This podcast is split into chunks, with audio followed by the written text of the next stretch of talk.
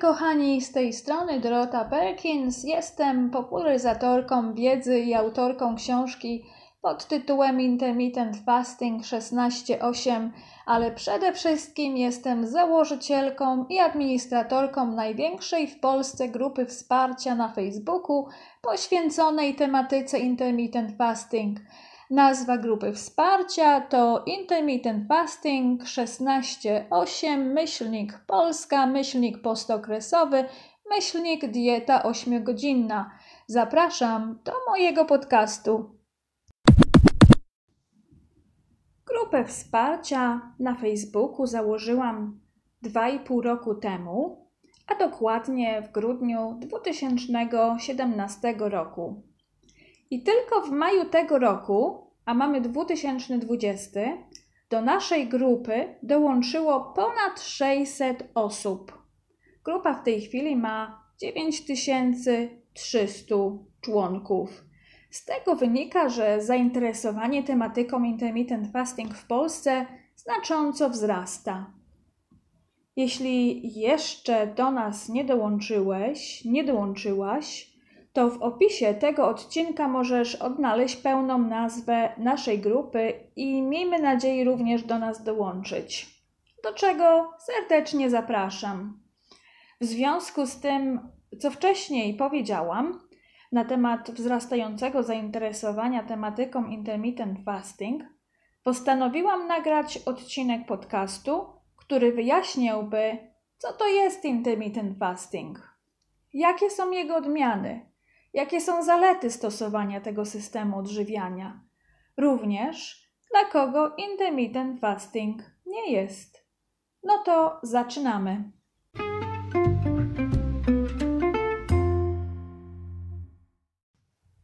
Intermittent fasting znany jest w Polsce pod wieloma nazwami. Przypuszczam, że mogliście już spotkać się z określeniami takimi jak postokresowy, postprzerywany, dieta ośmiogodzinna czy też dieta okienkowa. Krótko mówiąc, intermittent fasting to okresy postu i okresy jedzenia. Często, głównie na potrzeby marketingowe, intermittent fasting jest nazywany dietą. Jednakże jako tako dietą nie jest, gdyż nie określa tego, co dokładnie mamy jeść. Osoba wdrażająca ten styl odżywiania może tak naprawdę stosować dietę według własnych upodobań i tak na przykład może łączyć intermittent fasting z dietą niskowęglowodanową, czy też keto, może dietą karniwora, paleo, sirtuinową, wegetariańską i tak dalej, i tak dalej. Wszystko według własnych upodobań. Podczas systemu odżywiania 16-8 pościmy w okienku 16-godzinnym, a jemy w tak zwanym okienku żywieniowym 8-godzinnym, czyli 16 godzin postu, 8 godzin okienka żywieniowego. Do godzin postu oczywiście wliczamy również czas, podczas którego śpimy czyli czas, kiedy śpimy, jest wliczony do tych 16 godzin. Przykładem okienka żywieniowego może być na przykład okienko, które zaczyna się o godzinie 11, a kończy po 8 godzinach o godzinie 19. Oznacza to, że pierwszy posiłek po przebudzeniu jemy o godzinie 11, a ostatni kończymy o 19. Jednakże to tak naprawdę od Ciebie zależy, kiedy rozpoczynasz swoje okienko żywieniowe. Możesz je zacząć dużo wcześniej lub później, ale zawsze kończąc po 8 godzinach. W związku z całkiem niedawno przyznaną Nagrodą Nobla za badania nad cyklami biologicznymi, Okazuje się, że optymalnym zakończeniem okienka żywieniowego będzie czas, kiedy robi się ciemno. Jednakże w związku e, z naszym stylem życia i często pracą zmianową e, staje się to dla wielu wyzwaniem. Aby zachować taki styl żywieniowy, gdzie moglibyśmy sobie pozwolić na ostatni posiłek przed zachodem słońca. Jeśli chodzi o okienko żywieniowe, to należy też pamiętać, iż powinno się wytworzyć mały deficyt kaloryczny. Na przykład może to być 200 kalorii deficytu.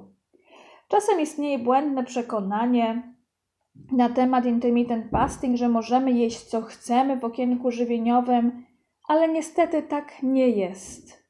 Aby schudnąć, należy zachować mały deficyt kaloryczny.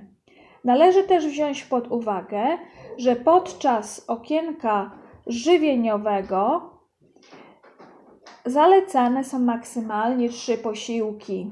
Jednakże najlepsze rezultaty w odchudzaniu osiągane są przy dwóch posiłkach dziennie. Jeżeli natomiast chodzi o godziny postu, to w tych godzinach pijemy tylko płyny, najlepiej samą wodę. Może być to woda gazowana. Dopuszczalna jest też czarna kawa, czarna herbata, zielona herbata, herbaty ziołowe. Jednakże wszystko to bez dodatku mleka, czy też bez dodatku cukru i bez dodatku słodzików. Na temat tego, co można pić w czasie postu, jest zawsze dużo pytań, otrzymuję dużo pytań. W związku z tym e, opublikowałam listę dozwolonych napojów na grupie wsparcia na Facebooku, ale także szeroko opisuję w swojej książce z uwzględnieniem badań naukowych oraz bibliografii, do której można się zawsze odnieść. Książkę można zakupić na stronie www.postokresowe.com.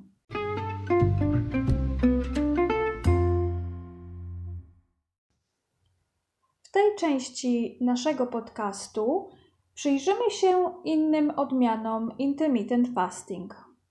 Otóż zacznę od tego, że osoby stosujące system odżywiania 16-8 często skracają swoje okienko żywieniowe z przykład 8 godzin do przykład 6. Wtedy mówimy o systemie 18-6, czyli przez 18 godzin pościmy, a jemy w okienku 6-godzinnym. Mamy też system 24, czyli 20 godzin postu i 4 godziny okienka żywieniowego oraz najkrótsze jednogodzinne okienko żywieniowe, które nazywa się OMAD. OMAD z angielskiego one meal a day, czyli jeden posiłek dziennie, czyli całe swoje zapotrzebowanie kaloryczne zjadamy właśnie w tym jednym posiłku. Poza tymi odmianami stylu 16-8 istnieje też sposób odżywiania w systemie 5-2. System ten został bardzo rozpowszechniony przez doktora Michaela Mosley, którego książka jest aktualnie dostępna w języku polskim. Myślę, że jest to wartościowa lektura dla wszystkich zainteresowanych tym sposobem odżywiania. System ten polega na tym, iż w ciągu dwóch wybranych przez nas dni ograniczamy nasze spożycie kaloryczne do 800 kalorii. W poprzedniej wersji 5.2 dopuszczalne było tylko 500 kalorii, ale to zostało zmienione i w chwili obecnej jest to spożycie 800 kalorii w ciągu dwóch dni postu. Także wybieramy dwa dni w tygodniu, podczas których stosujemy duży deficyt kaloryczny, a w pozostałe dni stosujemy zbilansowaną dietę śródziemnomorską. W tym przypadku podejście 5.2 możemy nazwać dietą, gdyż dr Mosley dokładnie określa, co mamy jeść. Kolejnym rodzajem intermittent fasting jest podejście eat, stop, eat. Z angielskiego oznacza to jedz, przestań, jedz. Jest to sposób odżywiania popularny dzięki osobie, która nazywa się Brad Pilon. Brat zaleca, aby podczas e, tygodnia wybrać dwa dni całkowitego postu, czyli podczas dwóch dni nic nie jemy, kompletnie nic nie jemy, a pozostałe odżywiamy się racjonalnie. I to tak pokrótce na temat różnych wersji intermittent fasting. To się cały czas zmienia. Ciągle pojawiają się nowe pomysły, nowe wersje dotyczące intermittent fasting, jednakże te, które wymieniłam, e, są w tej chwili jednak najbardziej popularne. Jeśli słyszeliście o jakichś innych wersjach, o których warto byłoby wspomnieć, to napiszcie w komentarzu pod tym odcinkiem podcastu.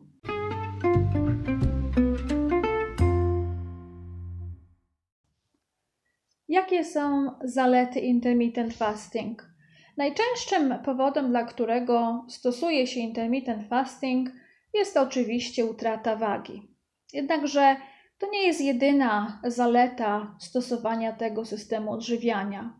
Obok szybkiej utraty wagi, szybkiego spalania tłuszczu, możemy wymienić obniżenie poziomu insuliny i poziomu cukru we krwi, Istnieje wręcz możliwość odwrócenia cukrzycy typu drugiego.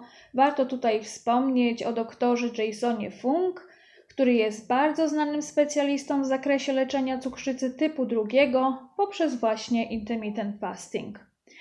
Również podczas stosowania tego systemu odżywiania możemy zauważyć znaczną poprawę koncentracji oraz to, że mamy dużo więcej energii. Podczas intermittent fasting zwiększa się poziom hormonu wzrostu, co pozytywnie wpływa na nasz organizm. Intermittent fasting ma również pozytywny wpływ na nasz cholesterol, zwłaszcza LDL czy HDL, dzięki m.in. stymulacji białek zwanych sirtuinami przedłuża się nasze życie. O sirtuinach, hormonie wzrostu piszę obszernie w mojej książce, w której również opisuję w jaki sposób intermittent fasting wpływa na procesy prowadzące do autofagii. Przede wszystkim jednak intermittent fasting e, ma zalety, które nie występują na ogół w innych dietach. Jest to e, mało skomplikowane podejście i nie komplikuje w zasadzie naszego życia, wręcz przeciwnie, ułatwia je Zasady są bardzo proste, łatwe do wprowadzenia, podczas kiedy różnego rodzaju diety mogą być e, bardzo drogie i intermittent fasting jest zupełnie darmowy, nie trzeba niczego wykupować, nie trzeba dokupować żadnych e, produktów żywieniowych, także jest zupełnie za darmo. W przeciwieństwie do diet nie pochłania naszego czasu i jest oczywiście ogólnie i cały czas dostępny.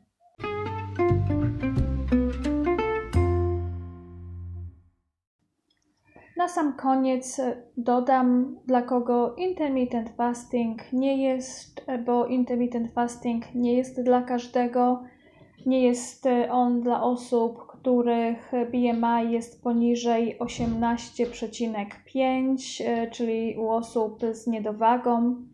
Nie jest on również dla osób z zaburzeniami e, odżywiania.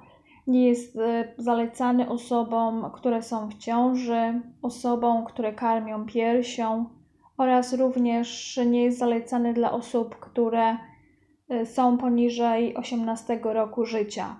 Oczywiście najlepiej, jeżeli masz jakieś stany chorobowe, cierpisz na coś w chwili obecnej, jakąś, jakąś chorobę, to najlepiej porozmawiać ze swoim lekarzem otwarcie na ten temat, zwłaszcza jeżeli bierzesz leki. To wszystko najlepiej uzgodnić z prowadzącym lekarzem. Środowisko lekarskie w tej chwili jest już całkiem otwarte na ten styl odżywiania.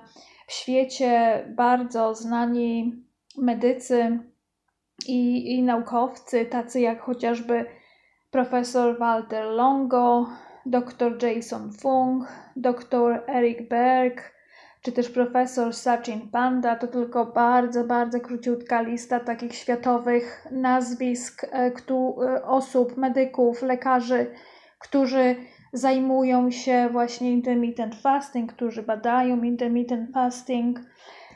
No i na koniec, jeżeli e, podobał Wam się ten odcinek podcastu, zapraszam do pozostawienia komentarza pod samym odcinkiem.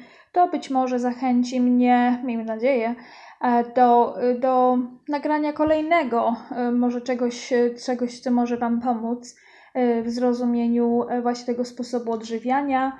Także na razie trzymajcie się. Dzięki za wysłuchanie tego podcastu i pozdrawiam. Dorota Perkins.